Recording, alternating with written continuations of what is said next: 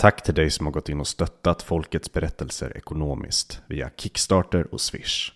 Vi vill rikta ett särskilt tack till Per Hallgren, Tom Engstedt, Erik Bergman, Henrik Jönsson, Johanna Hartman och Sebastian Tibbling. Det här är Folkets berättelser.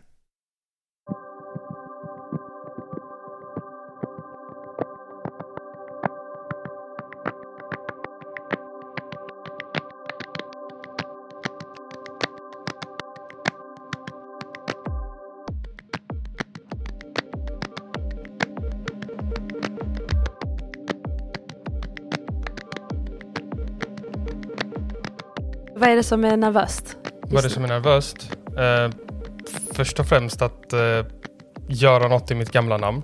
För nu, är, nu träffar jag ju som Ashkan. Precis. Men jag är ju jag, här ute är jag någon annan. Så det är så här, på något sätt känns det så här nostalgiskt i att jag måste gå tillbaka och leva i det namnet nu. Ehm, det känns så här som att jag vaknat på ett konstigt sätt. Det går inte att förklara. Sen är det också att, jag, att det är lite kaosigt i huvudet. Jag, som sagt, jag vet ju inte vad som ska bli av med där. Jag har väl säkert lite kontrollbehov också. Speciellt när det kommer till inspelningar, musik och sådana grejer. Så att jag, eh, det känns konstigt att eh, släppa taget helt och bara se vad som händer. Men det alltså, känns det kaosigt för att, att allt det som har hänt dig känns kaosigt eller Mm. mer att du ska sitta här och berätta? Du vet inte riktigt hur du ska berätta. Ja, exakt det andra där. Eh, Du vet inte hur du ska det berätta. som har hänt har varit superkaosigt, men jag har också levt med det ett tag och lärt mig så här copa med det. Eh, jag har inte lärt mig copa om att prata om det dock.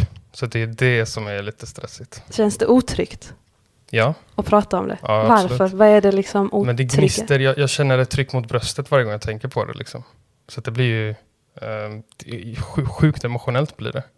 Eh, sen är inte jag den som kanske liksom, alltså jag har ändå blivit uppfostrad av en blattefarsa så jag, jag är inte den som visar det kanske, men jag känner ju det verkligen. Liksom. Eh, så att jag, ja, det, det blir väldigt emotionellt, men eh, jag försöker lära mig att prata om det. Jag har inte pratat med någon egentligen, alltså förutom folk jag känner typ. Är det det du är lite rädd för? Att det kan bli, alltså när du pratar om det, Mm. att det kan bli emotionellt? Nej, eller, ja, jag är rädd för att må, alltså få ångest. Jag gillar inte att få ångest. Det är inte nice. För det är första gången du berättar det här, men du, du har liksom tänkt på det i några omgångar, tänker jag. Har, Mm. Får du ångest då? Varenda gång du tänker på allt det här som har hänt? Ehm, ja, det får jag ju. Alltså det finns, det finns eh, saker som jag inte tänker på. Som jag, inte, jag låter mig inte gå dit. Okej. Eh, jag vill inte tänka på det. Som har med det här liksom, Ja, absolut. Inte just inspelningen, men allting som har hänt mig. som har liksom Ja. med allt som har hänt dig att Ja. göra. Absolut, 100 procent. Tror du du kommer kunna berätta några av de sakerna här? Eller du känner att, Ja, alltså. Jag har ju en, jag har ett filter. Jag kommer ju inte säga allt. Alltså det är för min sinnesro. Och eh, vissa grejer känner jag är inte viktiga riktigt i storyn. Som jag inte kommer gå in på. Som har, det är ett annat lager i storyn. Som inte kanske någonsin som kommer få följa med mig till graven. Liksom. Eh, för att jag inte vill prata om det. Och jag har aldrig, aldrig nämnt det. Inte ens till min bästa vän. Inte ens till min närmsta liksom. men din familj, Nej. det var du som vet om Mm. det här. Jag, min familj vet, vet ju vissa grejer, men de, vi pratar, alltså, det är sånt som vi inte går in på. Mm. Mm. Men om vi, vi bara börjar från början tänker jag.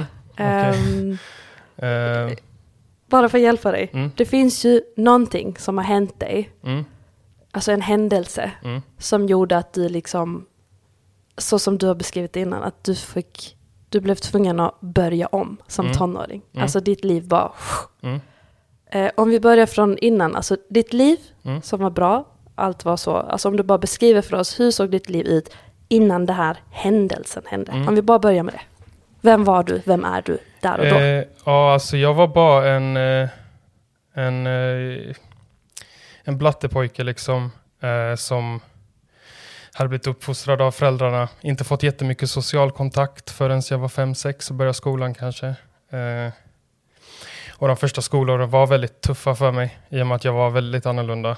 Jag eh, betedde mig inte som alla andra barn. Jag var väldigt konstig.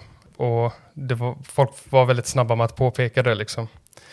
Och mina lärare var väldigt så här, på mina föräldrar om att jag skulle utredas hit och dit. Och så att jag skulle inte säga att det var helt pro- problemfritt från första början, utan jag hade problem redan. Ehm, det var väldigt svårt att liksom sitta i klassrummen. Skolan var väldigt svår för mig. Det var bara massa trubbel hela tiden.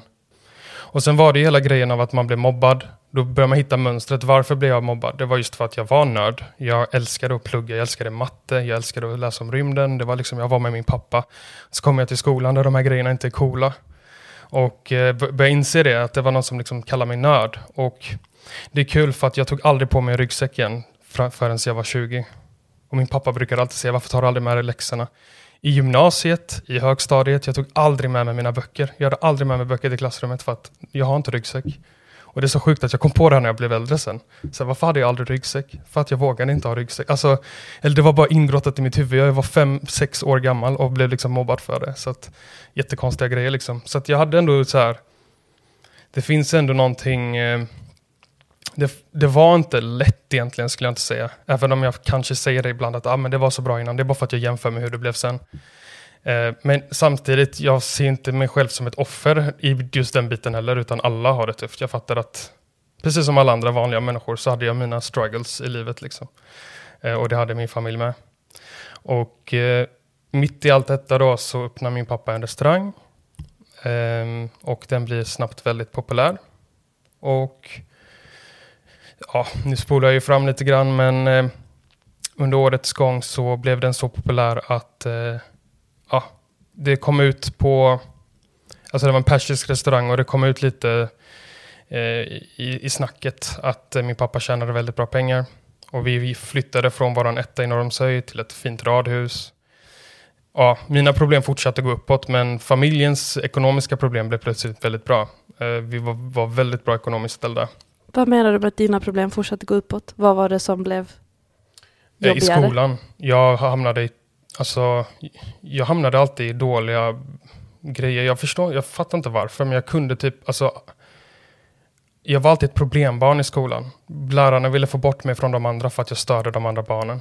Och jag hade som att, jag kunde inte förklara det, men jag hade så här, som en urge att störa människor.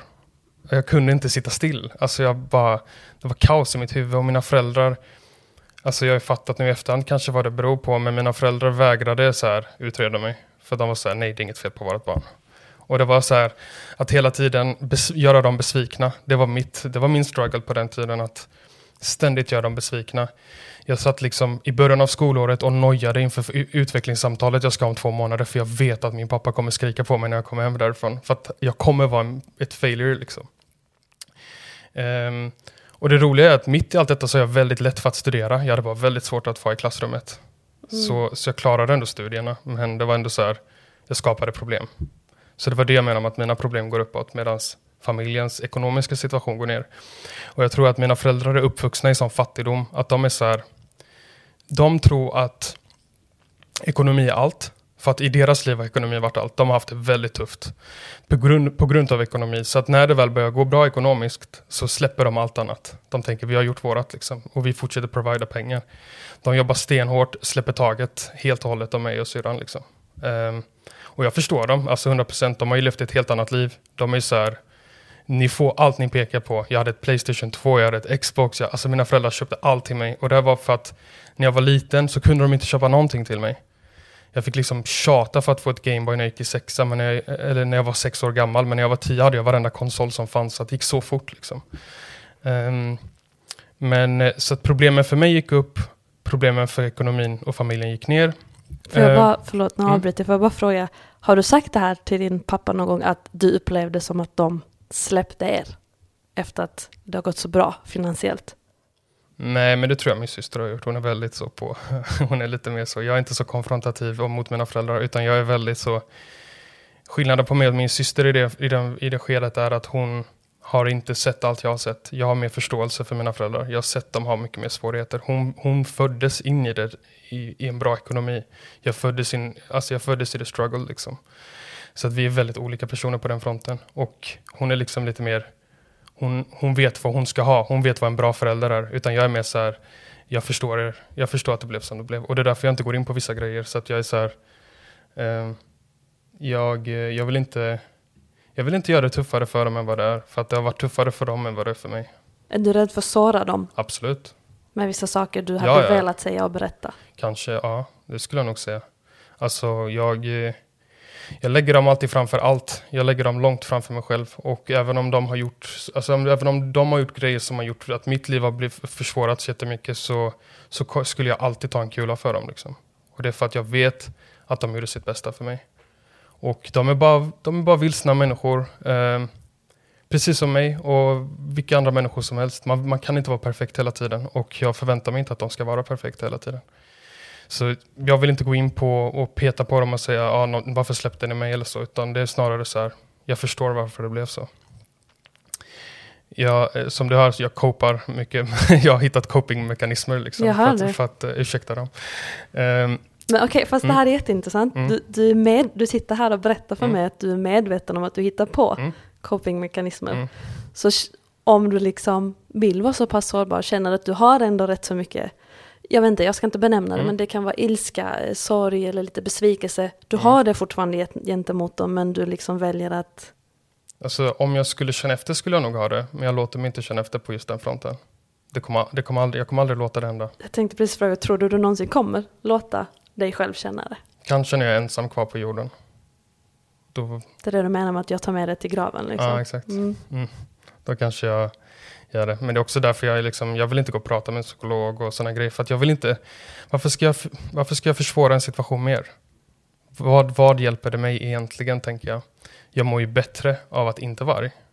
Utan jag har ju gått runt, som vi kommer komma in på sen, jag har gått runt och varit arg i över tio år. Och varit så ilsken att jag inte kunnat kontrollera mig själv. Va, nu har jag kommit till ett skede där jag kan andas, ta det lugnt, inte vara arg. Och liksom, så har vi väl framåt. Jag vet att det är copingmekanismer, jag vet precis vad jag håller på med och vad som är fel med det. Men jag, jag väger två saker mot varandra och jag väljer liksom det över det andra. Än att gå runt och vara arg och, på samhället och vara ett offer och peka på mina föräldrar och säga varför gjorde ni så här och så här. Så det är så jag mår bättre helt enkelt. Så på ett sätt så sätter jag mig själv först också. Det är mitt mående först. Mm. Okej, okay, tillbaks till mm. Händelsen. Vad var det? Det går bra finansiellt för dina föräldrar, mm. det går inte så bra för dig i skolan. Nej. Um, ja, alltså... Vart var vi? Uh, ja... Ta din tid. Ja, jag behöver bara dricka lite. Ja, men gud, ta din tid. Alltså det är inte, som sagt, det är chill. Jag tror du pratade om precis om att eh, ja, det, de känner sig klara, det har gått bra, mm. det går bra finansiellt. Ordet ja, är på gatan, liksom, mm. att ni har gått från vanlig lägenhet till radhus. Mm. Ni har och det bra. Är, jag ska nog berätta det här ur mitt perspektiv egentligen. Eh, jag märker att mina föräldrar blir väldigt mörka. Eh, de blir väldigt så, från, från att allting är så här, vi har äntligen lyckats, så händer det någonting, men jag vet inte vad. Jag hör dem bråka väldigt mycket. Jag hör liksom, det blir väldigt dystert i familjen. Det här är två år efter restaurangen öppnat. Hur gammal är du då? Tio ungefär. Du är tio just ja, nu, när ja. det börjar bli mörkt. Ja, exakt. Mm. Och nu är det liksom, nu börjar familjen gå, gå ut över mig istället. Så att nu är det det som börjar bli huvudproblemet. Jag är så här, mina föräldrar finns inte alls. De är helt borta. De, är, de bråkar hela tiden. De, det, det var väldigt dystert alltså. Um, och jag kan inte sätta finger på exakt vad det var, men jag gick alltid runt med en liksom, ångestkänsla och kände någonting stämmer inte. Liksom. Um, och jag tror jag var 11, alltså där på kanske ett år. Och när jag var 11 så, så ringer mamma mig en gång när jag är hemma hos min kompis. Och jag kommer verkligen ihåg det här så väl, det är helt sjukt. Vi satt liksom och spelade World of Warcraft och mamma ringer mig och jag var jätteflygrädd. Och hon säger att vi ska åka flygplan. Och jag sa, vadå åka flygplan? Vad snackar du om liksom? Och då sa hon, vi ska ta ett flyg till Stockholm om en, om en och en halv timme. Och jag blev skiträdd för jag vill inte flyga. Och jag fattade ingenting. Um, så kommer det poliser och plockar upp oss och jag är så här, vad är det som händer? Och sen så bara tar de oss till flygplatsen, vi får typ så här komma till någon sekretessavdelning där det var så här, där kändisar är när de ska åka flygplan, där du kan hitta så här autografer och folk har så skrivit sina namn och jag var så här, vad är det som händer? Varför är vi i det här rummet? Um, hoppar på ett flygplan, åker upp till Stockholm och sen säger mina föräldrar inte någonting utan vi tar in på hotell, vi sover. Och jag är så här, jag är fortfarande, vad är det som pågår just nu? Ehm, sen kommer polisen och hämtar oss på morgonen och sen åker vi till TV4 studio. Och eh, alltså alla de man tror man kan träffa där, så träffade jag där liksom. Jag kommer ihåg, alltså det, var, det är så konstigt, eh, att namedroppa, men så här, vi kom in i ett frukostrum, där står liksom Tobbe Trollkarl och gör en macka. Och det var så här, jag var så här, vad är det som händer med mitt liv just nu? alltså jag går från det här till det här, jag är så här, och ingen säger någonting till mig. Och sen så säger de att, eh, att jag får följa med Tobbe Trollkarl och följa med honom lite grann och titta vad han gör medan mina föräldrar ska gå och göra någonting viktigt. Och då säger jag okej. Okay. Och sen så såg jag inte sändningen, men mina föräldrar var tydligen med i Malou efter tio. Och sen så efteråt så åker vi till Donken och sen sitter vi där och sen så sitter jag där med min Big Mac liksom. Och de bara spiller ut sig att ah, det har hänt någonting. Eh, vi har blivit utpressade och vi måste flytta.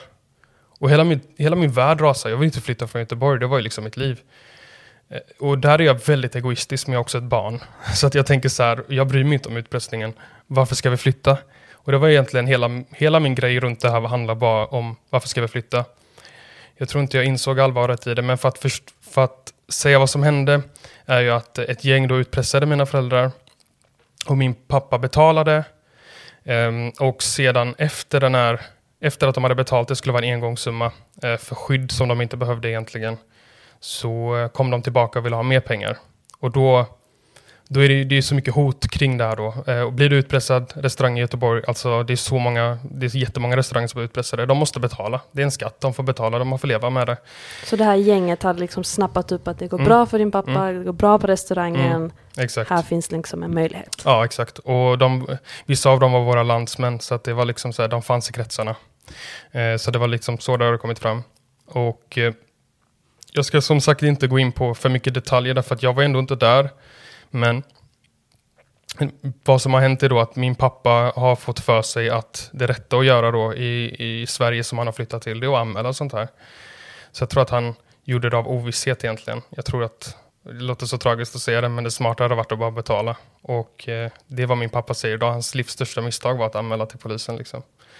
Och eh, Känner han det än idag? Att ja, du skulle bara betala? Ja, ja. Alltså han hade, han hade hans restaurang, där hans restaurang var, de har byggt så många nya byggnader. Det är ett fullt lägenhetsområde runt omkring. Bara lokalen är värderat 10 miljoner. Vårt gamla hem är värderat typ 7 miljoner. Eh, de hade en jättehöga inkomster och nu bor de inträngda tre stycken med min syster i en liten tvåa. Alltså det är en jätteliten lägenhet de bor i. De har det jättetufft ekonomiskt jag. Alltså, de har ju förlorat allt, än idag. Och det är, det är klart de ångrar sig och de känner sig de känner att de gav samhället allt och de fick det här tillbaka. Alltså, det är så många miljoner som slängs hit och dit och man kan ändå inte hjälpa dem alltså så här, eh, med psykisk hjälp för att komma över sina demoner. Man kan inte hjälpa dem med jobb, man kan inte göra någonting för dem. Alltså de är arbetslösa, de, det är jättetufft för dem. Alltså. Det, är så här, det är klart de ångrar det. Och jag fattade också. Jag, så jag hade inte anmält. Om jag hade, hade det här hänt mig hade inte jag anmält. Det är klart, jag har ju sett vad som hände med dem. Och jag tror att så länge det ser ut som det så ska man nog inte anmäla. Utan man kanske ska trycka på eh, för förändring istället. Men sen går ju eh, gängvågen har ju blivit ännu värre nu på de här 20 åren. Så att... Vad hände då när ni anmälde? När din pappa anmälde? Um, alltså exakt vad som hände vet jag inte. Jag kan säga att, så här, att det jag vet är vad jag lä läst i boken Svensk maffia. Jag har aldrig frågat min pappa.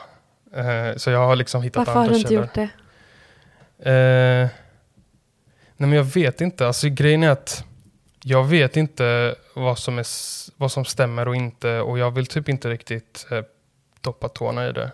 Det känns för känsligt. Du vill inte veta? Jo, men jag vet ju typ. Alltså jag har frågat så här, kanske lite i senare ålder så har jag väl frågat så här, allting jag har sagt, stämmer allting? Eh, är det någonting som är så här, alltså så här, jag fattar ju att eh, min tanke var att hade det här hänt mig hade jag förmodligen försökt förstora grejer för media för att få mer hjälp. Eh, nu vet jag inte om de har gjort det eller någonting. Jag vill inte heller veta om dem. Alltså så här, eh, jag försöker tänka hur jag hade tänkt och eh, jag vet inte hur jag, alltså jag vet inte om jag vill veta allt liksom. Och det känns för känsligt, jag blir så arg. Jag har jättemycket problem med ilska och här går bak, jag glömde nämna det, men när jag var barn hade jag väldigt mycket anger issues. Eh, så att jag har jättesvårt med ilska och min, min pappa är likadan, han kan bli extremt arg. Och hela mitt liv har jag liksom tänkt att jag vill inte, jag vill kunna kontrollera min ilska. Vilket jag känner att jag kommit till en punkt där jag kan göra det. Så att jag kanske hade kunnat fråga utan att bli arg idag. Och det spelar ingen roll, alltså det blir, jag vet inte om jag hade blivit arg på mina föräldrar, jag vet inte om jag hade blivit arg på gängen, eller hur situationen ser ut i Sverige. Jag kan knappt läsa tidningar idag, liksom. alltså, jag gör det ibland, eh, men jag blir, så, jag blir så dåligt humör för att jag men det påverkar mig jättemycket i mitt arbete, i mitt sociala liv. Eh, jag blir så här, jag vill bara rulla upp mig en boll om jag läser tidningen och sen så typ så här. Det här som har hänt, är det det du tror att det är det som har gjort att den här ilskan liksom har mm. växt och blivit så här farlig som det verkar som mm. att du upplever den som? Är det den här händelsen som har, eller fanns ilskan där innan också? Jag tror, att den, jag tror att det fanns en låga innan som blev typ en vulkan efteråt. Liksom. Jag, tror att, eh, ja, jag tror att det blev mycket värre än vad det skulle bli egentligen. Sen tror jag, alltså om jag ska vara helt ärlig, så tror jag att även om det här inte hade hänt så hade jag fått problem i ungdomen. Det, jag är ganska säker på det. Och jag, på ett sätt så känns det som att det blev för det bättre för mig. Men kanske inte för eh, mina föräldrar bara.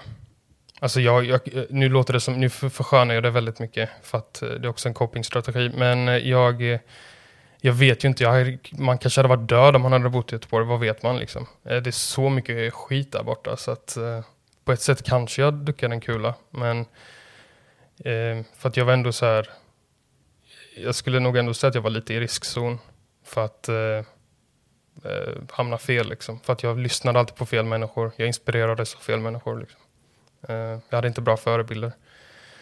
Eh, mina vänner var mina förebilder.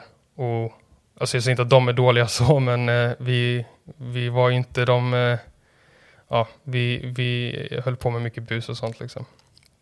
Och det här är ju när jag blev lite äldre, då, när jag var typ 14 eller någonting. Då, och då menar jag inte så att vi gick runt och snattade folk på stan, utan vi var mer så här, vi, vi, vi pajade fönster, vi kastade ägg, vi tände eld på ett dagis en gång som var ett mordbrand som fortfarande är olöst, vill jag säga, fram tills nu då. Eh, inte, vi var ändå typ så 13 så att det hade ändå inte så här. Men allt det här hände efter händelsen? Ja. Efter att ni var tvungna mm. att... Mm. För vad hände när ni anmälde? Um... Mm. Eh, vi anmälde, mina föräldrar anmälde, jag fick reda på det här. Eh, I denna vevan Alltså, det blev rättegång och liknande. Jag minns inte exakt vad som hände direkt efter anmälningen, men vi fick hem poliser hela tiden. De kom och tittade till mig hela tiden, så polispatruller kom förbi. Vi hade kameror i hela huset. Vi hade så här stora inspelningsmaskiner som var inkopplade i hemtelefonen ifall någon skulle ringa in. Är det här i Göteborg eller hade mm, ni hamnat? Göteborg. Det är fortfarande hemma i ja, Göteborg? Mm. Då är vi under Göteborgspolisen då. Och det, det, är liksom, de pushar mina föräldrar och det är liksom så värsta grejen. Och de, jag tror att de var liksom så här att nu har vi de jävlarna. Eh, pushar dina föräldrar på vilket sätt? Nu gissar jag bara, men jag tror att de, de har, har ju haft vinning i att hjälpa mina föräldrar. För att de ska få, äntligen få ett grepp om att kunna ta de här gängledarna som de har försökt ta i så många år. Så de väntar ju bara på en story och det här bara kom upp för dem. Liksom. Och eh, jag tror att man hjälpte mina föräldrar väldigt mycket i processen med rättegången och allting. Man liksom gjort allting hemligt. Rättegången finns inte att lyssna på. Um, det var en sekretessbelagd rättegång så att ingenting kom ut. Jag vet inte riktigt. Um, jag tror att man gjorde många liksom favors för mina föräldrar um, av den anledningen. Men sen då när allting var klart och domen hade gått ut, som var typ så ett år fängelse eller någonting, uh, så inser man ju Alltså jag tror någonstans att jag, jag minns att jag tog det som en vinst för jag trodde att eh, vi skulle få bo kvar. Och jag såg fortfarande inte allvaret i storyn, utan allting handlade för mig om att bo kvar. Och eh, mina föräldrar öppnade restaurangen igen. Det var väldigt tufft. Men i och med vad de hade gjort så vann de också eh, priset Årets svensk. För de var ju väldigt mediala, mina föräldrar. Jag vet inte om jag sa det, men de var ju i varje tidning, massa tv-program och allt möjligt. Och då Eh, fick de stöd från Svenska kyrkan, de kom dit och åt varje dag, så de bytte helt och hållet kundkrets till svenskar istället. Innan var det bara iranier, men iranierna var liksom, de kom inte tillbaka efter det här hände. För det var så mycket rykten och, och, och grejer liksom. Så att det var liksom så här att, ja men har du anmält en landsman, bla bla bla, eh, golat liksom. Um, så, uh, ja det blev lite så att um, jag ser det lite som en ny tid. Jag hade bytt umgänge, jag var väl typ så här 12-13 Eh, då, då, det är då vi håller på med de här sakerna. Mina tidigare vänner, det var de som bodde i, där jag bor, alltså runt mig i radhusområdet. Och det var liksom, eh, jag pratar med vissa av dem än idag ibland så här. Och det var ju liksom nördar som är liksom lite mer lik så som jag kanske är innerst inne. Vi bara spelade tv-spel och pratade om ja, Pokémon, Harry Potter, alla sådana här grejer liksom. Vi var riktiga Eh, ja, vi var bara barn liksom. Men med de andra så var vi, de var lite mer så adrenalin. Alltså jag ska inte säga att de var dåliga människor, men de var väldigt så adrenalinjagande. Eh, vi älskade att bränna upp grejer eller bara sjuka grejer liksom. Bara, bara för skojs skull. Vi gjorde liksom inbrott i en godiskiosk när vi var 14. Eller jag gick aldrig in vill jag bara säga, men eh, bara för att det var roligt. alltså vi hade inget motiv. Vi, det var inte pengar, det var bara så här, vi kan göra det, ska vi prova? Eh, det var liksom på den nivån. Och eh, jag, eh, ja, det var liksom en konstig tid för mig, också konstig tid för mina föräldrar, för att det var så här, nu är allting löst, nu ska allting bli som vanligt igen, men det blev ju aldrig riktigt som vanligt.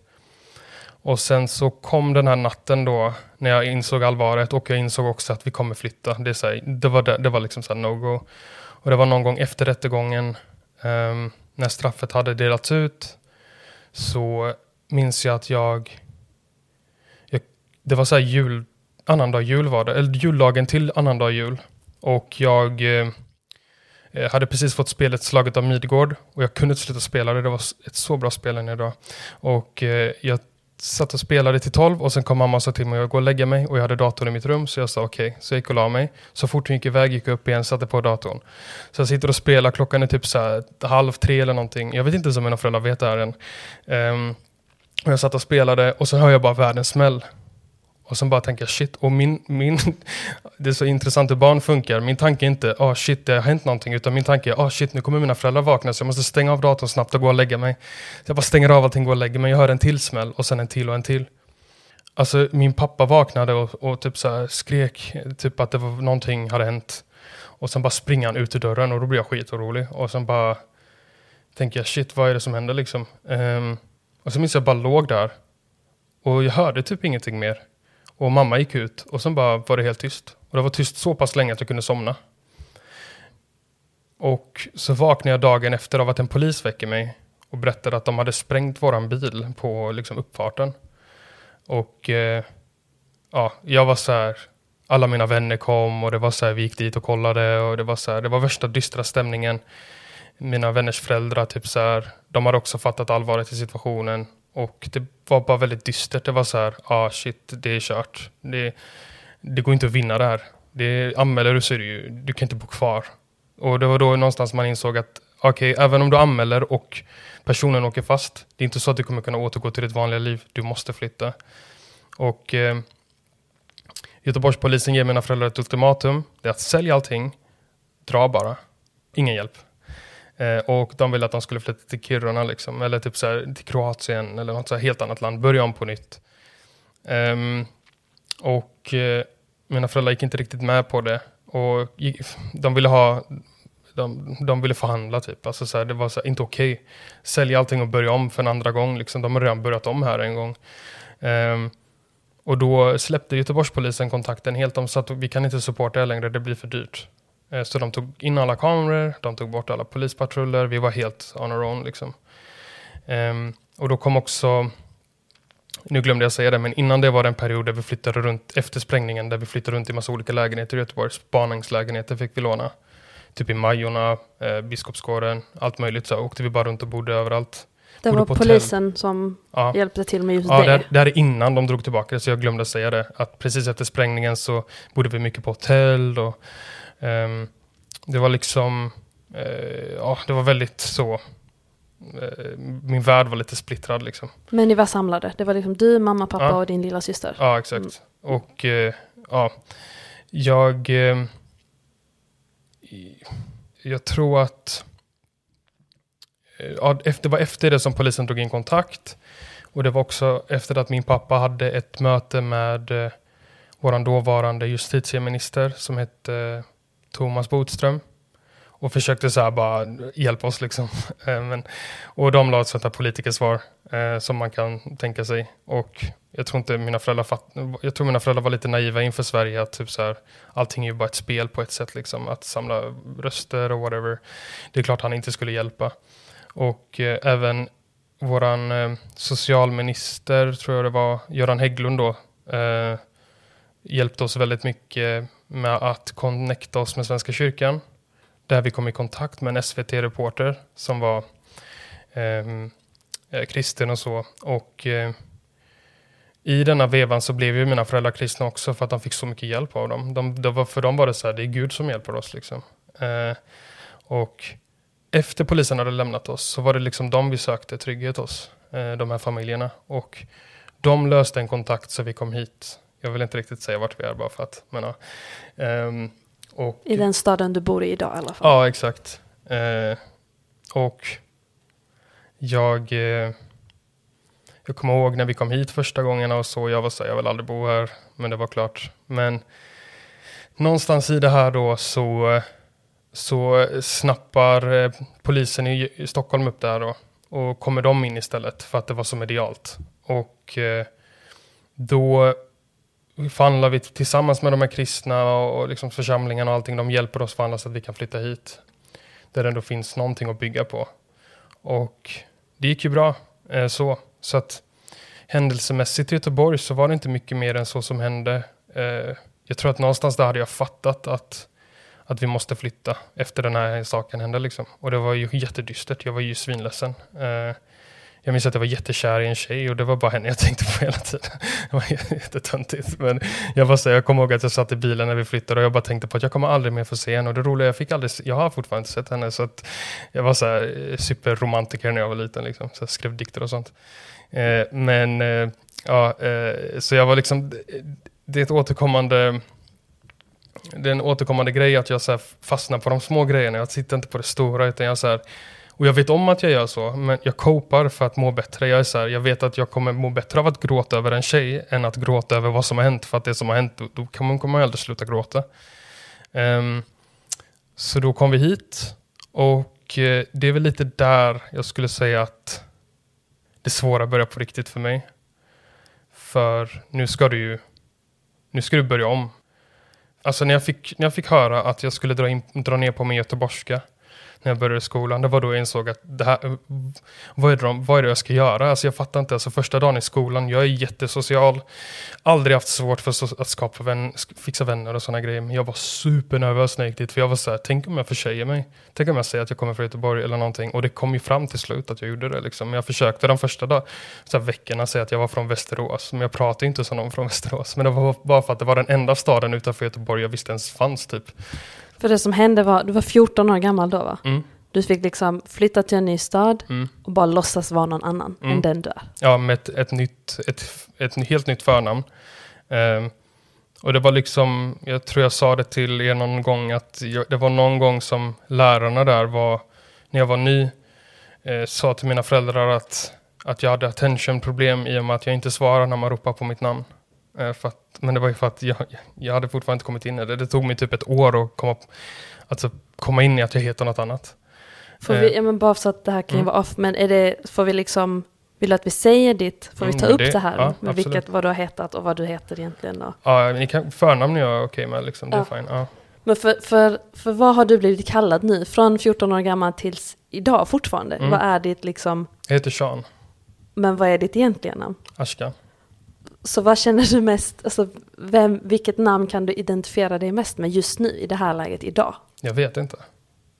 Jag har jättemycket identitetskris, jag vet inte vem jag är. Men eh, alltså, det, man kommer komma in på det lite sen kanske, men jag vet inte. Alltså det känns som att det är två olika personer, det är det som är så konstigt. Det är så här, ena är den jag är med mina föräldrar och den andra är för att det är bara de som känner, fortfarande känner den här. Fast nu när jag, jag jag kan ju säga så här att jag bröt mot regler. Alltså vi, jag fick inte åka till Göteborg någonsin igen. Men jag var ju tillbaka i Göteborg efter bara någon månad. Och, eh, Varför? Mina vänner. Så att jag åkte dit hela tiden och jag bodde hos kompisar. Och till slut var mina föräldrar okej okay med det och till slut var polisen okej okay med det också. Eh, för att de insåg väl att, eller de tänkte väl att det inte var någon risk att ingen kommer Alltså de här gängen, det är inte som dagens gäng att de skjuter barn. Utan de här gängen har lite mer heder från förr. Eh, de skulle ha det skadat barn. Och jag tror att de vet det också. Eh, tyvärr kan man inte säga samma sak idag. Men på den tiden så drog man väl, tänkte man att det är fine att jag åker dit. Och det var så coolt på något sätt för att jag kom hit och skådespelade.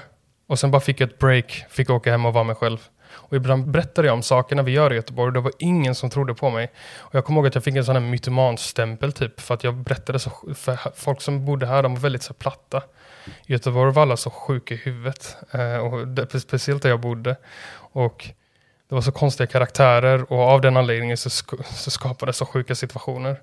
Um, jag tror jag råkade så säga någon gång att vi ja, men det här med att vi brände ner ett dagis. Ja, vissa grejer vill jag inte ens säga för det låter så mygligt. Liksom. Men det var så sjuka grejer som hände. Och folk trodde inte på mig. Eh, och samtidigt så försökte jag så här, ja, men dra ner på det. Och försöka vara någon annan. Och det som är det sjuka är att jag kom väldigt nära vissa människor, men samtidigt så var jag tvungen att ljuga om min bakgrund. Och jag tror det här jag blev lite...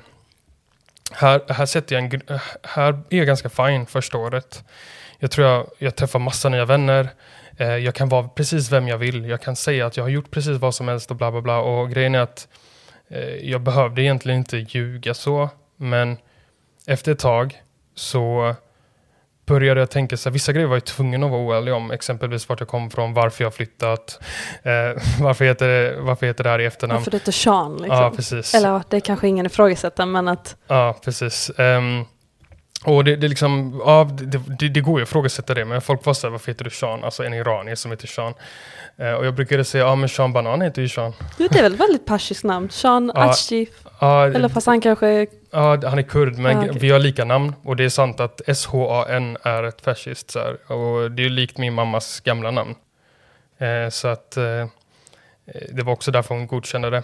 Eh, en så här, kort liten story mitt i det att jag, fick, jag valde inte mitt namn förrän dagen vi flyttade. För att jag, jag är sån, jag skjuter ju upp på allting till sista minut. Eh, och det är någonting som har pågått hela mitt liv. Och jag kunde inte välja namn. Jag hade jättemycket beslutsångest. Eh, och min mamma var så här, ja men Käram eller något sånt där liksom. Och eh, jag sa nej och sen så, alla namn jag kom med godkände inte hon. Och det är jag glad över, för jag vill heta så Eminem, jag vill heta så Marshall. jag tror någon gång att jag hade skrivit att jag vill heta 50 Cent. Alltså så här. eh, Från Ashkan till 50 Cent. ja, precis. 50 Cent eh, Nilsson eller någonting liksom. Det är Älskar det. Ja. Ehm, men de, de sa nej och sen så, så här, eh, det låter som en sån verkligen påhittad story men det är verkligen sant. Så sitter vi och året är 2007, som, sommarlåten på Voice, vad heter den, The Voice, den som spelades var Sean Kingstons eh, Beautiful Girls hela tiden. Och då, bara, jag bara rabblade upp kändisars namn och sen sa jag Sean och då bara stannade min mamma upp och bara, ah, det får du heta. Och så blev det Sean. Det är liksom så snabbt vad det är. Så otippat, det var inte så jag trodde du fick ditt namn. Nej. så, ja, det, för att jag bara rabblade upp alla kändisars namn och det var det enda som min mamma sa var så här, det finns, en kop- det finns en liten koppling till Iran. Och sen så bråkade vi lite om stavningen. Jag bara nej, jag vill ha S-E-A-N och hon bara nej, men det är S-H-A-N och jag bara nej. Och så till slut gick hon med på att jag skulle heta med S-E-A-N då. Så att det är därför jag heter som jag gör idag. Jätte, jätte random. Känner du att du vill behålla, alltså idag är du ju Sean fortfarande Mm. på ett sätt. Vill du liksom behålla det eller finns det någon önskan om att gå tillbaka till Mm, ja. Ashkan fullt ut på Jag kom- heltid? Jag kommer byta tillbaka mitt efternamn och allting nu. Jag, jag tror att det är dags att jag gör det bara. Men jag kommer behålla Sean också. Och det är för att jag bytte namn när jag var 14. Jag, jag är 30. Så att jag har, lev, jag har varit Sean längre än Ashkan. Och jag måste nästan anstränga mig för att ehm, På Ashkan igen. Ja, precis. Och att, spara, att svara på det. Det känns, eh, det känns nice, jag gillar det. Men det känns också väldigt intimt och eh, så här konstigt. Det, det känns inte som jag. Alltså det känns så sjukt att säga det, men när jag hör det namnet så känns det inte som jag. Ashkan. Ja. Även om jag vet att det, det är mitt riktiga namn. Och det, är liksom, det andra är bara ett jättepåhitt som bara kom i en bil. Och, men det är bara för att du växte upp här. Jag skapade ett helt nytt liv här. Och alla kallade mig Sean. Och när jag väl sa till slut att jag hette Ashkan, där, mycket längre fram, så var det typ ingen som bara, nej, det, det där passar inte in på dig liksom. Du är ju Sean. Så här, de kan inte, jag har försökt fråga dem, be dem kalla mig Ashkan, det går inte alltså. Vad är det som gör då att du faktiskt vill byta till Ashkan så här nu, 30 år gammal? Du bara, men nu är det dags. Varför? Vad är det som gör att du vill göra det? Eh, alltså, en del av det är typ att jag, jag, jag har strugglat lite med min identitet. Jag känner inte att mitt namn riktigt klingar vem jag är, speciellt inte mitt efternamn. Sen är det också så här att i 30-årsåldern, man vet att snart kommer det dyka upp barn liksom. Och jag vill inte att de, jag vill att de barnen ska få leva, alltså ta vidare min pappas namn, det är klart. Eh, de, alla hans bröder har fått döttrar, så att det är typ, allting ligger på mig. så att jag, jag kommer ju behöva, eller jag vill ju verkligen byta till, tillbaka till mitt gamla efternamn. Men jag tror att jag kommer lägga Sean som ett andra namn eller liknande. Och, eh, och alltid ha med det på något sätt, så att det inte blir konstigt när någon kallar mig Sean. Ja, men det är mitt andra namn. Typ så. Det är ju också du. Ja, Från exakt. 14 till 30 år gammal. Ja, exakt. Så att på något sätt vill jag behålla kvar det. Och, det, och jag har gjort det också, och det kommer komma till det, men eh, när jag blev lite äldre så började jag göra musik och, och började så här, jag, jag, typ på, när Facebook och sånt här kom också, Instagram, whatever, så har jag alltid, alltid identifierat mig som Sean Ashkan. Och folk, jag tror inte folk vet att, alltså folk tror att jag heter Ashkan i efternamn, alla tror jag heter Ashkan i efternamn. Eh, folk blir oftast chockade. Jag tror, ja, alltså jag har haft vänner typ i flera år, efter ett tag så bara, vänta, heter du så här i efternamn? Alltså bara för att bara för att de ser det på Facebook och sen har de alltid trott att ah, men det makes sense, eh, ett utländskt efternamn, fast det är egentligen mitt förnamn. Eh, så att jag, på det sättet har jag så duckat det och hittat en, runt, en väg runt det. Och, och det, smugit in den lite. Ja, mm. exakt. Och gjort mitt gamla förnamn till mitt efternamn in public. Liksom. Um, och eh, tagit mig runt det och sluppit förklara för att det är så här, det blir uttjatat efter hundrade gången och förklara varför det heter och ljuga. För att det är så här, och det, det, det, det, är en skam i det också, för att det är, så här, det är en stereotyp att iranier byter efternamn till något svenskt efternamn och vill vara så svenska. Och det är det folk tror varje gång, och jag vill inte att folk ska tro det heller. Jag vet vad mitt legacy är, alltså jag, jag har läst mycket om perserriket, jag vet liksom, jag, jag, älskar min kultur och jag vill inte så här, jag är ju svensk också, men jag vill inte, jag vill inte byta namn och låtsas vara någonting jag inte är. Um, så det har alltid varit en rädsla av att folk ska tro det också, på grund av den stereotypen. Och, men ja, nu är vi ganska mycket längre fram. Jag skulle säga att typ så ett år efter namnbytet så har jag fått väldigt mycket vänner, kommit nära väldigt mycket människor, fått väldigt mycket re relationer. Um, på något sätt blivit någon så här pop, alltså blivit ändå helt okej populär på den här skolan för att jag hade så mycket färg. Medan där jag kom från, där var jag typ där gick det inte att visa färg för då fick du stryk. Liksom. Eh, du, du, kunde inte skrika högt i korridoren för att då skulle någon... Alltså jag, jag kan inte ens räkna många gånger jag fått stryk när jag var liten. Vad menar du med att du visade färg här, som Sean? Liksom? Ja, men jag tror att jag gillade det i början. Alltså jag, jag levde för det i början, eh, att vara någon annan. Och jag tyckte det var nice. Och eh, jag tyckte det var skitcoolt. Jag var så här, shit, jag kan vara någon annan. Eh, och jag gill, började gilla det här med att låtsas vara någonting jag inte var. Och jag blev lite beroende av den känslan. Men det var någonstans efter ett år här som isen började brytas. Liksom. För jag började inse att det här inte... Hur, hur är det de här människorna, mina riktiga vänner? De vet ju inte ens vem jag är. Jag kan inte vara ärlig med mina vänner och berätta någonting. Ehm, um, där började det komma en stress för mig. Att jag började känna mig ensam. Och uh, en ilska började växa fram. Och nu går jag i nian och är 15. Och jag börjar igen så här... Um, jag börjar må väldigt dåligt, jag börjar få panikattacker. Och nu börjar allting komma ikapp helt plötsligt. Så det här roliga första året är över och där jag bara känner folk och bla bla bla. Och nu börjar det bli så här, nu finns det en, dyst, nu finns det en dysterhet i det. När jag är med dem så känner jag mig tom. Det här, jag är inte mig själv. Alltså så, här, så kände jag. Och jag ville bara alltid bara hem till Göteborg igen. Liksom. Um, och det var så konstigt för att det var, ibland hamnar vi i så här konst, ibland ibland betedde jag mig på vissa sätt som kanske var svårt för dem att förstå. Vad, vad fan var det som hände liksom? Vännerna eller familjen? Vännerna. Och eh, det kommer jag till också, men det... Vad som hände någon gång i nian där var att jag... Eh, jag minns att i den här stressen, i att jag hade mycket panikattacker, jag fick gå till psykolog en gång, jag hjälpte inte så mycket så jag gick aldrig tillbaka. Och eh, någonstans där då, jag tror att det var vid jullovet, så så drack jag alkohol första gången. Och det kändes som att typ så här, allting jag kopat med, allting jag bara bärt på hela livet, allting bara försvann. Och jag bara kände mig fri. Och jag, eh, mina vänner berättade här inne idag att jag stod vid en rondell och skrek att så här, jag vill må så här resten av mitt liv. Och det är så tragiskt i sig egentligen. Um, och sen slutade den storyn någonstans med att min att, uh, ja, uh, det var någon som hade ringt min pappa som hade sett mig ute på gatan, så kom min pappa och liksom tog mig i örat och tog hem mig.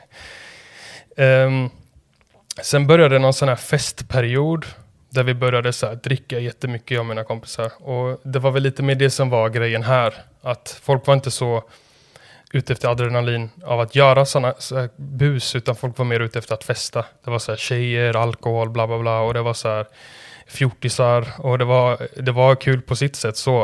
Uh, men jag reagerade väldigt dåligt på alkohol. Jag blev jättearg. Um, jag blev Ashkan när jag drack. Och jag var arg på alla för att de inte förstod vem jag var. Jag var arg på alla. Och jag började bråka med folk. Um, jag har liksom hamnat i hur mycket konflikter som helst. Varje gång jag drack hamnade jag i minst en konflikt. Um, och eh, liksom, jag har fått näsan så här avslagen nästan. Alltså, alltså jag har fått, det har varit mycket bråk liksom, mycket strul. Så fysiska våldsamma konflikter ja, ja, liksom? Ja, ja. Och mina vänner, jag tror att de jag träffade här var också så här, alltså jättebra människor, men också så här halvt maskrosbarn. Och jag tror att det var de jag connectade med mest. Eh, och de har också sina stories liksom. Och bara för att det här har hänt mig betyder det inte att livet upplevs som, som svårare för mig. Utan jag vet att vissa av dem hade också lite bagage. Liksom. Eh, så att när vi började dricka ihop så blev vi väldigt kaosiga. Um, och det jag bra pratade om att vissa grejer var konstiga för dem. Det var att ibland när jag, när jag drack så, jag minns ett moment som alltid var en sån här grej alla skrattade åt så här. För att ja, eh, eh, Sean är så galen, han dricker, han blir konstig. Typ, så här. Och jag skrattade alltid åt det också. Um, och det var den här händelsen när jag, en gång när jag drack så bara började jag brista ut i gråt och bara grät och sa jag vill hem till Göteborg, jag vill hem till Göteborg. Liksom. Och jag, alla var så här, vad fan är det med dig? Och det är så här, jag tror än idag, de, alltså bara, det var så många konstiga grejer runt mig sen jag flyttade hit av den här personligheten. Och jag tror inte folk fattade varför det var så, men det, och jag fattade ju det. Um, och det var liksom, det finns många stories folk kan berätta som jag är involverad i av den anledningen. Och det spårade ju ganska mycket. Alltså, det var, ja, det var väldigt mycket alkoholdrickande och jag sket i skolan totalt. Nu går jag i gymnasiet. Får bara fråga, vad var dina föräldrars roll i allt det här när du fick de här liksom, mm. ilska utbrotten och mm. gråten? Och alltså, hur mycket jag, kände de till? De kände inte till så mycket. Du berättade inte för dem? Nej, jag var, alltså, saken är också att jag är väldigt, jag kan vara väldigt manipulativ och jag blev väldigt manipulativ av att, att liksom behöva ljuga och, och vara någon annan. Eh, så att jag var väldigt bra för att lossa, att, på att låtsas för mina föräldrar att, eh, att det gick bra. Jag kunde till och med fejka sms från skolan typ och sådana grejer och skicka till dem. Och det var na, sms och mobiler och allting var nytt så man kunde göra vad, vad man ville. Liksom. Eh, så jag var väldigt bra på att dölja det. Men samtidigt så tror jag att de, de märkte det här med bråken. För att det var många gånger polisen kom och liksom körde hem mig. Jag tror att när jag var, jag var bara 16 första gången jag hamnade i en fyllecell. Och då trodde de, för att jag hade skägg när jag var 16, att jag var 18. Jag hade inget lägg. Så de kastade in mig i fyllecell trots att jag var 16. Och de lyssnade inte på mig. De trodde jag var 18. Så kom pappa där och sen flyttade de mig till barncellen istället. Och sen så eh, fick pappa hämta mig. Och där någonstans fanns det ju lite så här. Men i detta, det är egentligen mina föräldrars story. Men de de åt väldigt mycket antidepressiva, väldigt mycket piller. De, Dina de, föräldrar? Ja, ja. De, efter flytten så mådde de ändå hyfsat bra i början. Och det är i och med att de fick äta piller. Och, och då på något sätt så förlorar man ju den... Eh, alltså för dem blir det ju att allting är fine. För att eh, pillerna säger till dem att allt är fine. Så att, eh, men det är egentligen deras story. Men i det då så, eh, så, kände, så ja, jag blev väldigt kaosig bara. Och eh, det blev, det blev mer och mer dystert för varje gång jag drack. Och jag grät mer efter varje gång bakfyllorna var jättetunga. Jag hamnade i en jättedålig relation med en tjej som också hade värsta bagaget. Det var så här som att verkligen kasta olja i elden liksom. Så att det blev, allting var så kaosigt. Um, jag har gjort jättekonstiga grejer, alltså jättedåliga grejer som jag verkligen inte står för. Um, och uh, ilskan rann över till slut liksom. Och um, började rinna över på folk jag tyckte om. På vilket sätt? Um, alltså... Men i, I form av bråk liksom. Jag tjafsade med alla.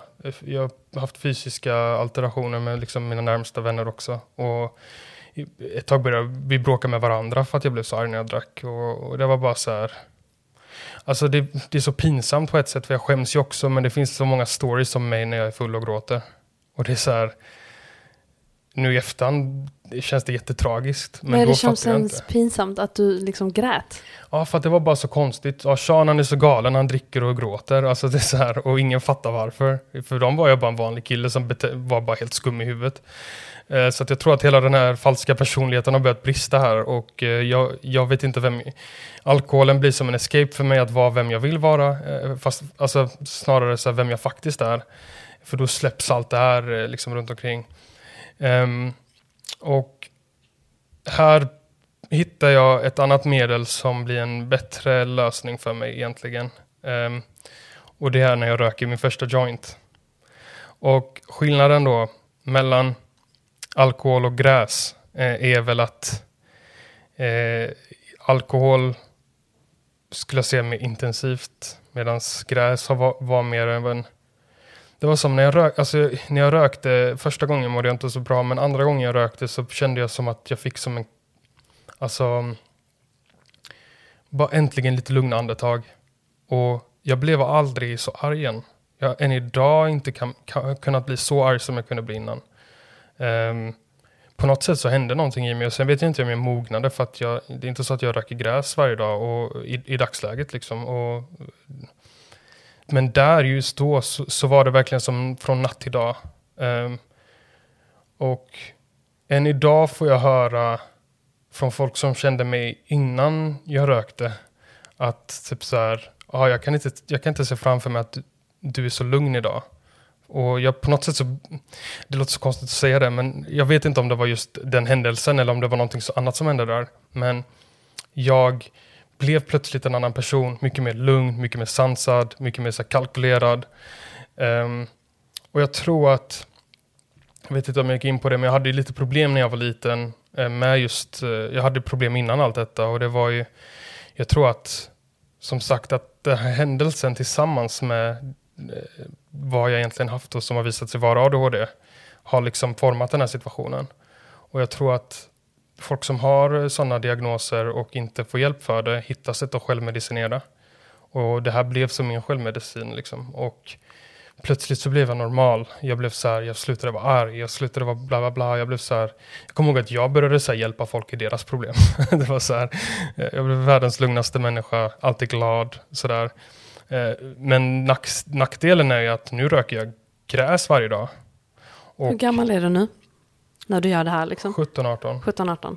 Exakt, och det här höll på i typ tre år. Jag rökte gräs varje dag. Alltså inte en enda dag missade jag. Men livet kändes bra? Nej, inte hela tiden. I början gjorde det det. Och sen började allting komma ikapp att plötsligt så gjorde jag inte klart gymnasiet. Och för att jag, eh, som jag sa, jag var väldigt stökig i skolan, men jag gjorde ändå alltid allting jag skulle göra för att jag hade lätt att plugga hemma. Eh, inte för att jag alltid gjorde det, men jag på något sätt klarade mig alltid i skolan. Men när det här kom så fuckade upp skolan helt. Jag kunde inte gå till skolan för att du kan inte Alltså jag provade att gå till skolan hög några gånger men det kändes inte bra. Man var liksom så här, man blir lite folkskygg liksom. Eh, och folk, folk runt omkring mig reagerade väldigt konstigt på att jag gick från att vara världens mest extroverta människa till att vara så här lite blyg och eh, tyst och vill inte prata med folk. Eh, och eh, jag tror att ja, det blev lite påfrestande där. Och jag tror att någonstans, det var när jag var 20, um, så hade jag, eh, det här, det här kommer bli så krångligt, men jag hade, jag hade tappat en del av mig själv igen gräset har, för, har, dödat en del av mig, mitt extroverta jag, vem jag faktiskt är och plötsligt inser jag att jag sitter egentligen bara är en, en morot. Liksom. Jag, jag är ingenting.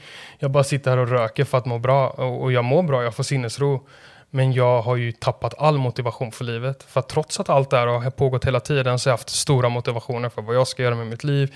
Jag ska tjäna pengar, bla bla bla. Jag har liksom alltid haft den, den baktanken. Um, men här och någonstans har jag blivit så här, jag är nöjd med livet som det är idag. Och jag vill inte jaga någonting mer. Jag vill inte ge skolan, jag vill inte skaffa jobb, jag vill inte göra någonting. Och det var ett problem. Um, och jag kunde inte gå med på festerna, för jag var jättetråkig på festerna. Folk var alltid så här, vad fan har hänt med dig? Typ så. Varför är du så tråkig? Um, och jag gick alltid hem tidigt, bla bla bla. Och det fanns en, det fanns en förklaring till det med, men någonstans i det också när jag började röka så började jag få väldigt mycket nojor av mina föräldrar. Att, de, att någon skulle döda dem. Jag började bli paranoid helt plötsligt. Jag ser också en, en bieffekt av att röka gräs varje dag. Uh, för att, som allt annat så kan, kan man ju missbruka sånt liksom, om man gör det varje dag. Uh, och jag skulle säga att jag absolut miss, missbrukade cannabis. Um, och uh, jag fick de här bieffekterna och varje gång jag var typ så ute med mina vänner så fick jag så bilder i huvudet av att shit, mina föräldrar blir mördade just nu. Så jag mådde bäst av att vara hemma. Så jag började hålla mig hemma, jag slutade gå på festerna, jag slutade prata med folk och plötsligt inser jag att alltså min telefon som brukade ringa så mycket ringer inte så mycket längre. Jag är ensam nu på riktigt. Jag har gått från att vara en populär person till att så här, jag har tagit avstånd från allt och alla. De enda jag umgås med nu det är de som röker gräs. Och det var typ ett annat så här, gäng kompisar som bara sågs och rökte gräs. Eh, och några av mina så här, riktiga vänner följde med över dit och eh, så. Så det var ju på det viset också. Eh, och sen minns jag någon gång när jag blev övertalad till att festa ändå. Eh, och sen var jag så här tråkig då, som alla sa att jag var. Eh, så blev jag erbjuden, och nu kommer nästa lager, så blev jag erbjuden ett piller istället. Och nu är jag där igen. Nu, nu, nu blir jag extrovert igen. På bara så här så blev jag mitt extroverta jag igen. Fast minus att jag grät. Så nu har jag hittat en ännu bättre drog. Så nu kan jag vara extrovert och vara mig själv, men jag eh, gråter inte och jag är inte ledsen och jag vill inte hem till Göteborg. Um, så nu är vi där igen. Så att nu, nu, tar jag, eh, nu tar jag ecstasy varje fredag, lördag. Och sen så måndag till fredag är bara depression. Eller måndag till torsdag. Och sen fredag, och sen fredag lördag fest. Och sen depression resten av veckan. Och sen fredag, lördag fest. Och sen bara går det så för att man kan inte hålla på med sådana piller varje dag. Um, och nu börjar såklart effekten av det komma. Det är, det är inte bra. Och det, som tur var stoppade jag det ganska tidigt. Jag höll på med det kanske i tre, fyra månader bara. Vad var det som fick dig att stoppa då? Eftersom det kändes så bra, delvis, ja. förutom liksom depressionen. Ja, men det, för det första är det de här dagarna där du inte gör det. Så börjar du inse så här att fan, det här är ju inte bra. Nu har jag gått över gränsen. Alltså det här är ju tyngre droger och du, det här bränner din, alltså jag läste väldigt mycket om det och det var så här, du bränner din hjärna. Eh, så att jag var så här, ska jag bara fortsätta röka gräs? För jag rökte ju gräs på vardagarna och sen så tog jag de här grejerna på helgerna. Eh, men jag ville så gärna bli kvitt gräset också. Jag, det är ett återkommande tema i mitt liv och jag kände alltså, innan allt det här hände, alltså även när jag var väldigt liten, att allt jag bara vill är att vara normal. Alltså jag vill bara äntligen bara få andas ut och vara normal och jag kunde inte göra det när jag rökte gräs heller. Och nu var jag typ så här 21. Um, ehm, hade inga motivationer för livet. Jag, visst, jag visste inte hur jag skulle ta mig ur den här situationen. Och uh, då um, det var någon månad när jag inte gick ut hemifrån och jag bara låg hemma hela tiden och var deppig. Och jag, jag hade slutat ta de här pillerna då. Och slutade hänga med på festerna och det sög för att jag såg hur kul alla hade. Och jag, jag ska vara ärlig, jag hade väldigt kul på den tiden. Um, och uh, jag bara satt hemma och till slut så fick jag väldigt ont i kroppen. Vilket är ganska normalt när, om du ligger inne liksom en, en, en hel månad. Um, men eh, cannabisrökaren som jag var så blev jag väldigt paranoid och orolig. Så här, har jag fått cancer? Är det något fel på min kropp? Så går jag och uppsöker vård och säger jag har väldigt ont och bla bla bla i hela kroppen, bla bla bla. Utesluter hela den här grejen att jag har legat inne en månad eller så här. Eh, för att bara, jag vill bara att de ska undersöka mig så att jag kan sova lugnt. Och så gör de en undersökning och nästa gång jag kommer tillbaka så har jag fått eh, Eh, Eh, de sa att jag hade högt värde i kreatin kinas, Jag vet knappt vad det betyder. Idag fattar jag, jag tog ju kreatin kosttillskott liksom. Eh, vilket jag inte hade sagt, men jag trodde inte det var viktigt. Och de sa att det kan underligga någon reumatisk sjukdom bakom det här. Eh, och smärtan får du de här pillerna för. Och sen fick jag tramadol.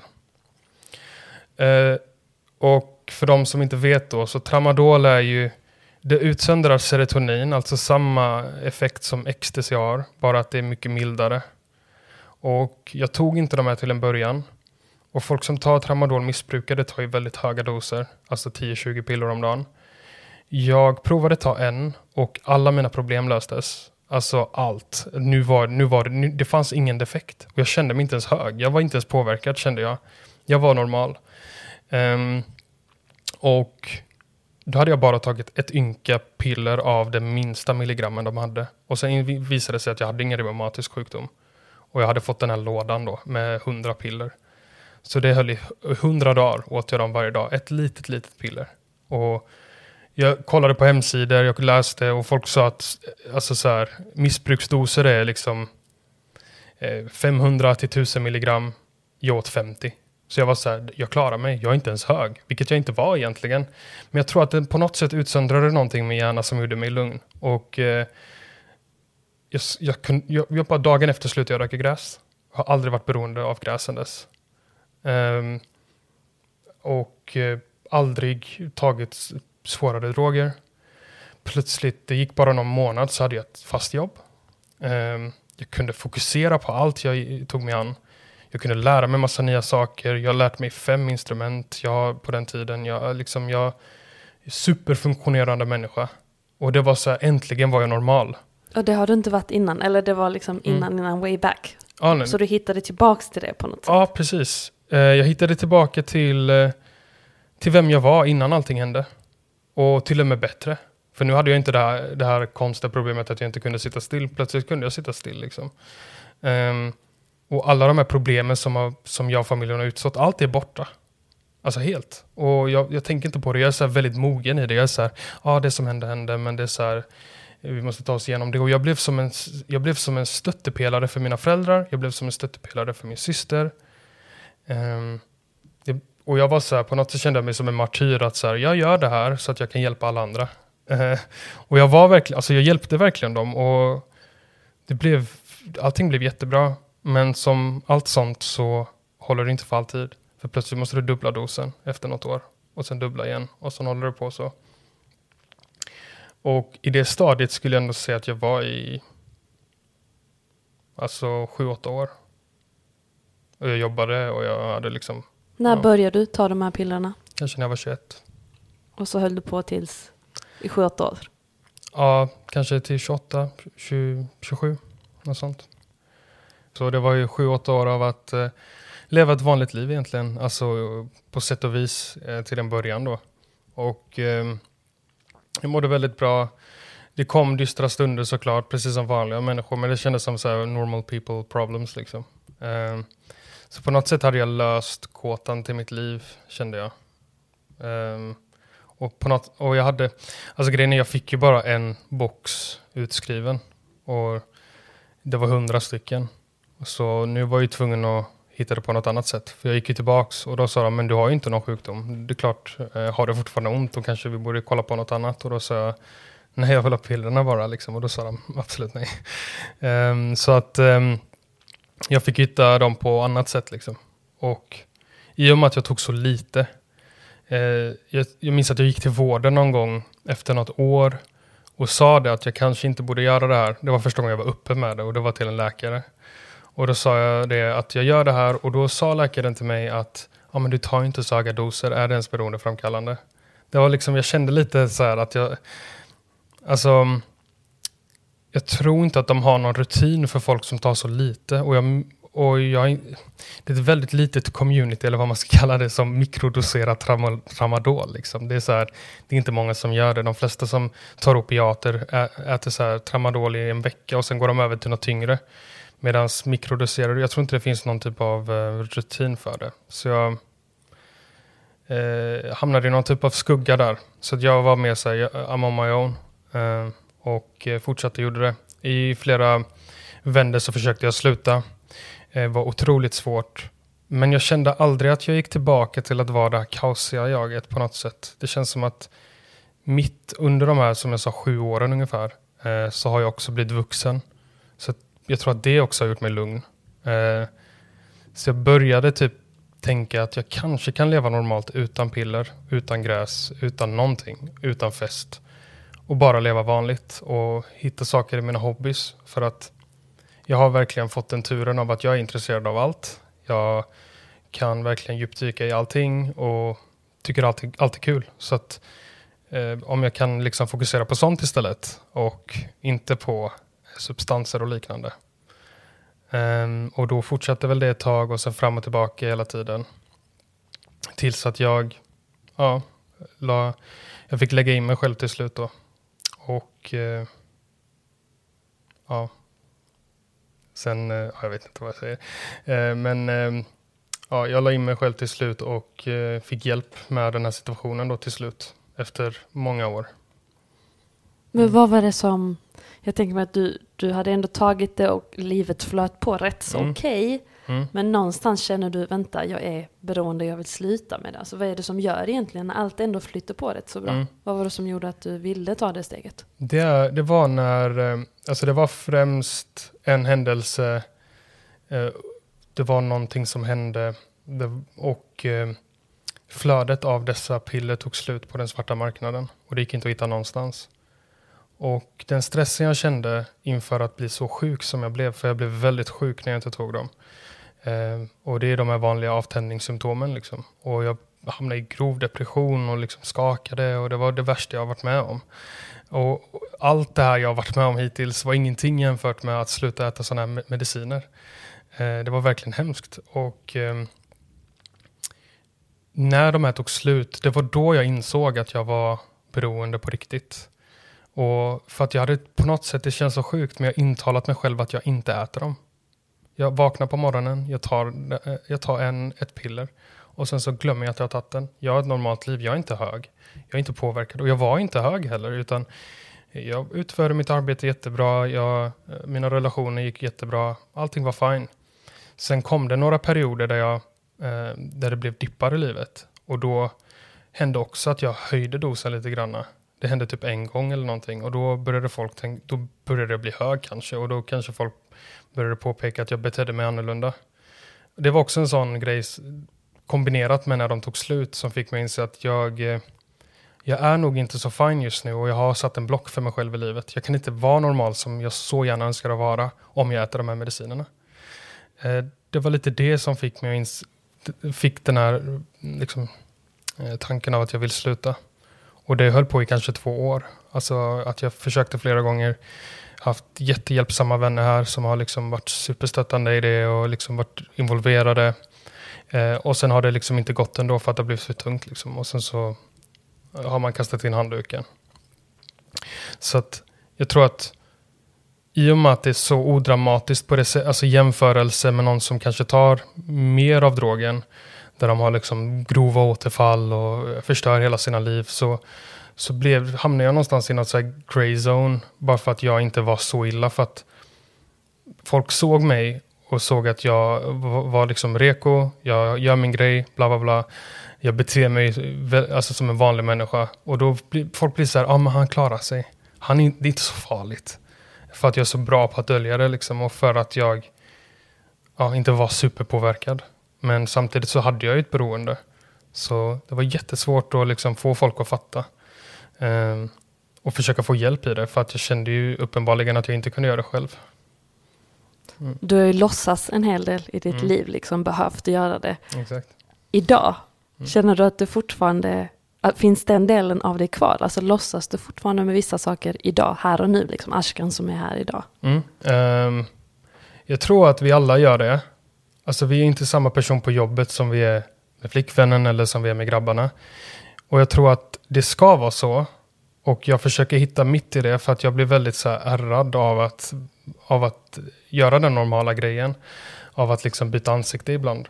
Eh, jag har svårt att jag har svårt med den grejen för jag vet inte vart gränsen går till att låtsas eller bara ja, men byta ansikte normalt som man gör när man är med sina vänner eller när man alltså, byter umgänge och sånt där. För att man, man, byter, man, är, man ändrar sig lite liksom. Eh, lite grann bara. Eh, jag tror att för mig har det varit svårt att bara hitta balansen i det. Och eh, ja, jag känner att det är...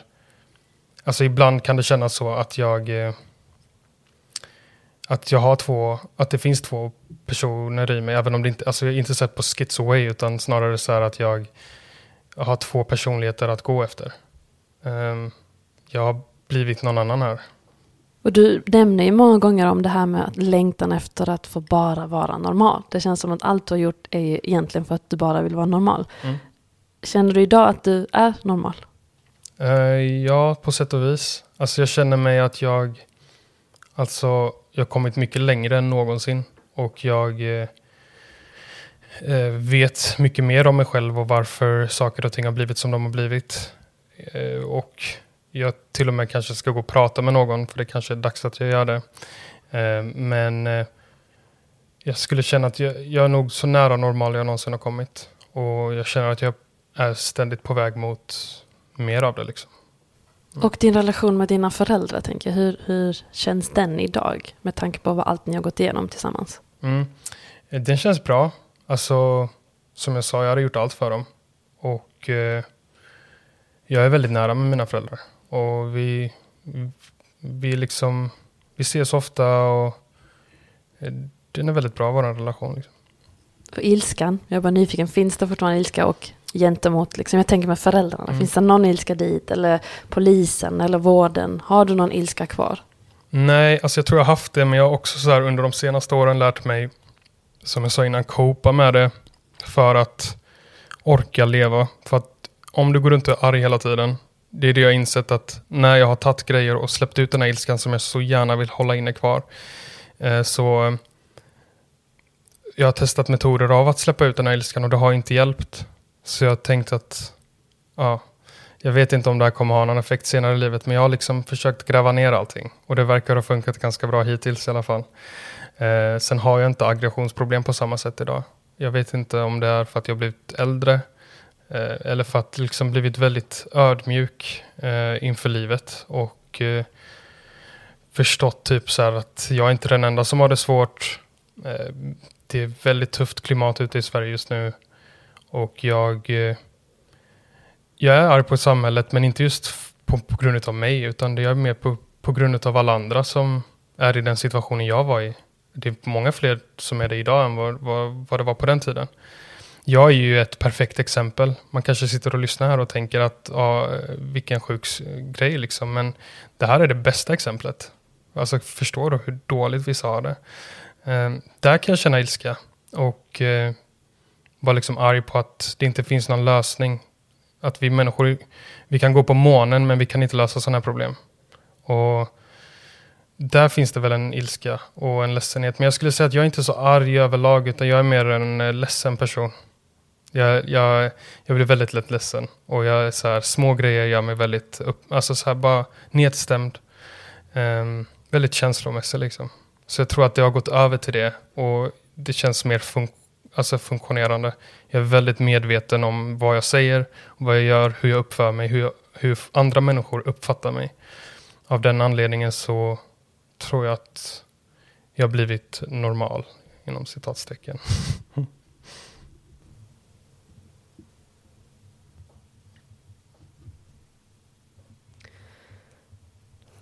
Jag vet inte ens om jag vill, ja, jag vet inte om jag vill fråga det här, men, eller inte för att det är något jobbigt, men jag tänker bara om du hade vad önskar du hade gjorts annorlunda om du blickar tillbaka? Alltså både av, jag vet inte, av polisen, mm. av vården. Finns det saker du önskar hade gjorts annorlunda? Mm. Alltså, ja det är klart. Eh, av polisen överlag, nej alltså.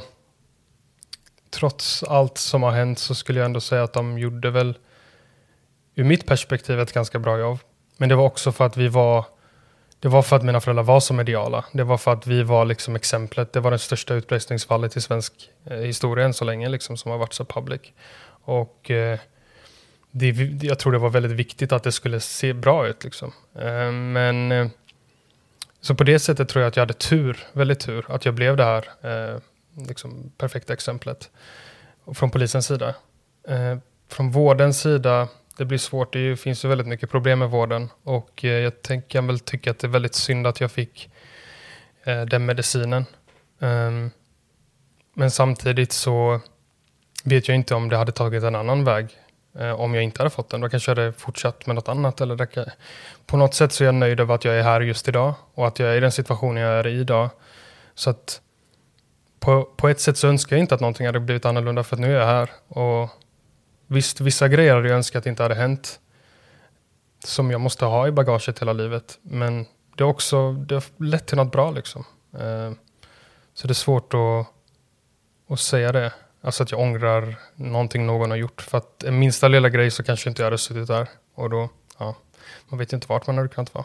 Så vad ser, du, vad ser Ashkan fram emot nu, efter liksom? Eller Sean? Mm. Är det. Sean eller Ashkan? Du får kalla mig vad du vill. Men eh, det känns mer bekvämt när du säger Sean.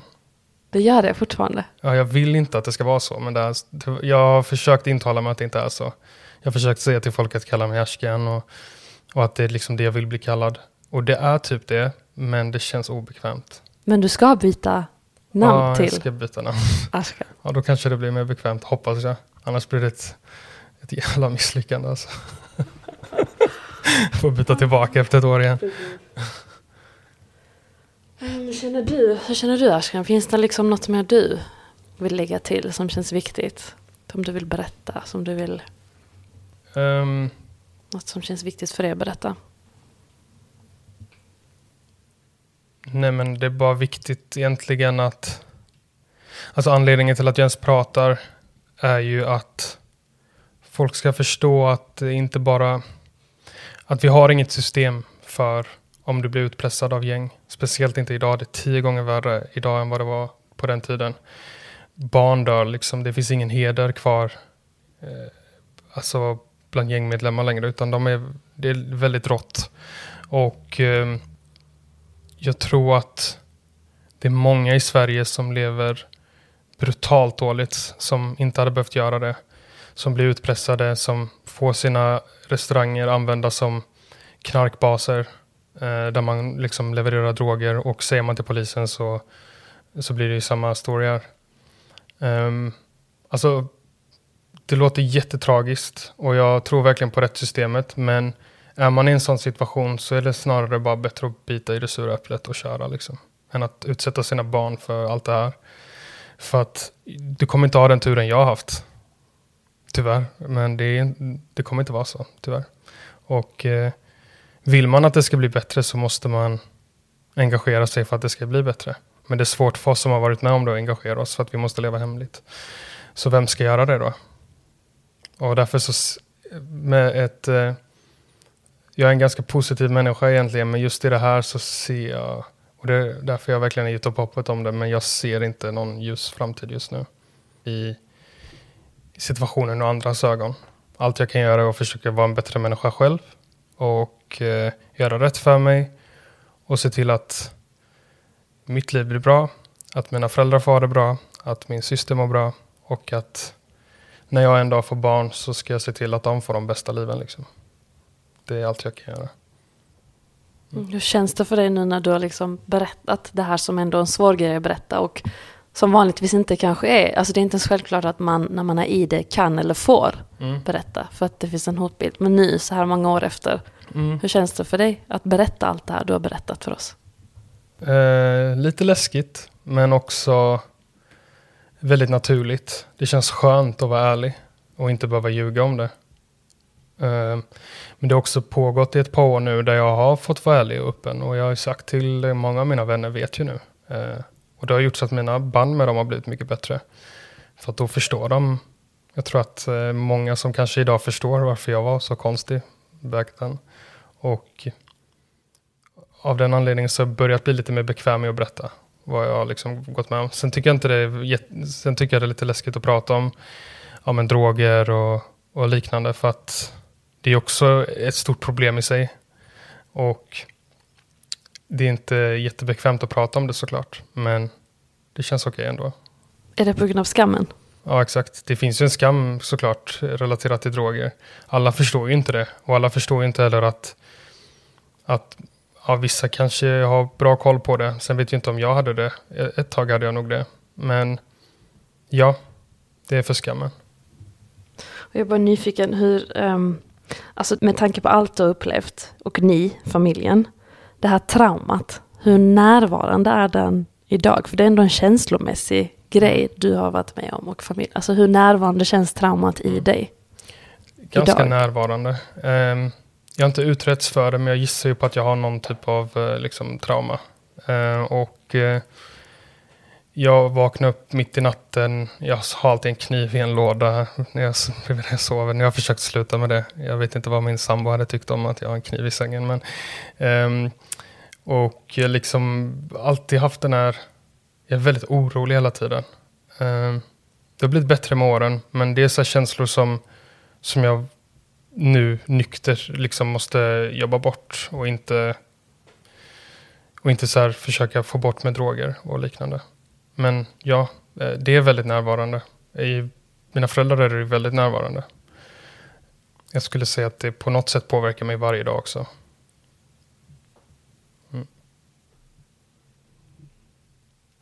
Gud, vi hade kunnat göra två, tre avsnitt till Ashkan det. Men jag tänker mig att det här ändå, ja, om inte du har något mer du vill tillägga. Nej, egentligen inte. Eller Joel, du spontant om du känner.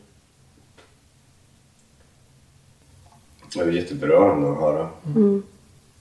Det var fint där på slutet när du sa att, apropå att upplevelsen av att känna sig konstig hela livet, men att det är skönt att berätta. Mm. Och att folk får en förståelse för vem du mm. egentligen är. Mm. Uh, där knöts någonting mm. Mm. mm. Så jag hoppas att, att du känner det. Mm. Även här. För det här är ju också en del av att kliva fram och mm. berätta vem, du, vem du är. Ja, exakt. Alltså, förutom avsnittet i sig, exakt. Ja, ja, att du exakt. sitter här och bara liksom... Ja, exakt. Och jag hör ingenting som är konstigt Nej. i din berättelse eller i dig.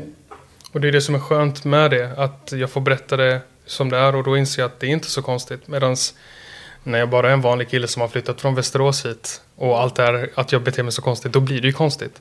Men nu känns det så skönt att inte vara konstig längre. För att nu blir folk så här, aha, alltså så här, fattar. Och det, det, det är nice att du, att, du, att jag, jag kommer inte ihåg vad jag sagt exakt, men det är nice att, jag sa, att du säger att jag sa det. Mm. Att det liksom kommer fram. Och att vi har suttit här kanske lite mer än en timme men det känns som att, Mm. eller ja, utan att liksom göra det för, men det känns ändå som att jag känner ändå rätt, alltså både Ashkan och Sean Mm. är liksom lite, jag ser det inte som, det är rätt så tydligt vem Mm. du är. Mm. För att du har delat med dig så mycket av ditt liv just Mm. nu. Eh, både från den tiden och sen från din Sean-tid. Men ja, det är så tydligt liksom Mm. vem du är här och nu. Mm. För att du berättar. Ja. Eh, så det är också häftigt liksom att Mm. det, ja, det är inte så konstigt och, Nej. För mig heller som bara, men jag känner dig, jag vet vem du är. Mm. Vare sig det är Sean eller Ashkan. I know. Och egentligen nu försöker jag knyta säcken någonstans med att det är samma person. Och det är därför jag vill ha båda namnen liksom. Att eh, det var två olika vägar och på något sätt har de mötts idag. Eh, och För du ska försöker- behålla båda namnen ja, när exakt. du byter. Ja, jag vill behålla det, det nya också. För att samtidigt så är jag ju, jag är ju Sean nu. Och i mitt huvud kommer jag nog alltid vara det. För att nu har det gått så lång tid. Jag har varit eh, Sean mer än vad jag varit Ashkan idag. Och eh, jag trodde vi precis gick över spärren. Och eh, ja, det, nu känner jag att jag är det liksom. Och det känns konstigt. För mig är Ashkan en liten pojke med krulligt hår. Och, och Sean är den jag är idag. Alltid när någon säger Ashkan, det är det som är obekvämt. Jag kom på det nu faktiskt, det är ingenting jag har tänkt på. Varje gång jag tänker, när någon kallar mig Ashkan, då, då känns det som att någon säger att jag är ett barn. För att jag, i mitt huvud är Ashkan en liten krullhårig pojke liksom. Det är därför. Det kanske blir lite så här konstigt när någon säger, alltså, alltså konstigt blir det inte, jag, jag uppskattar det. Men det finns ändå eh, en obekvämlighet i det som jag försöker ta mig igenom. Det är därför jag säger att det är okej att du kallar mig det liksom.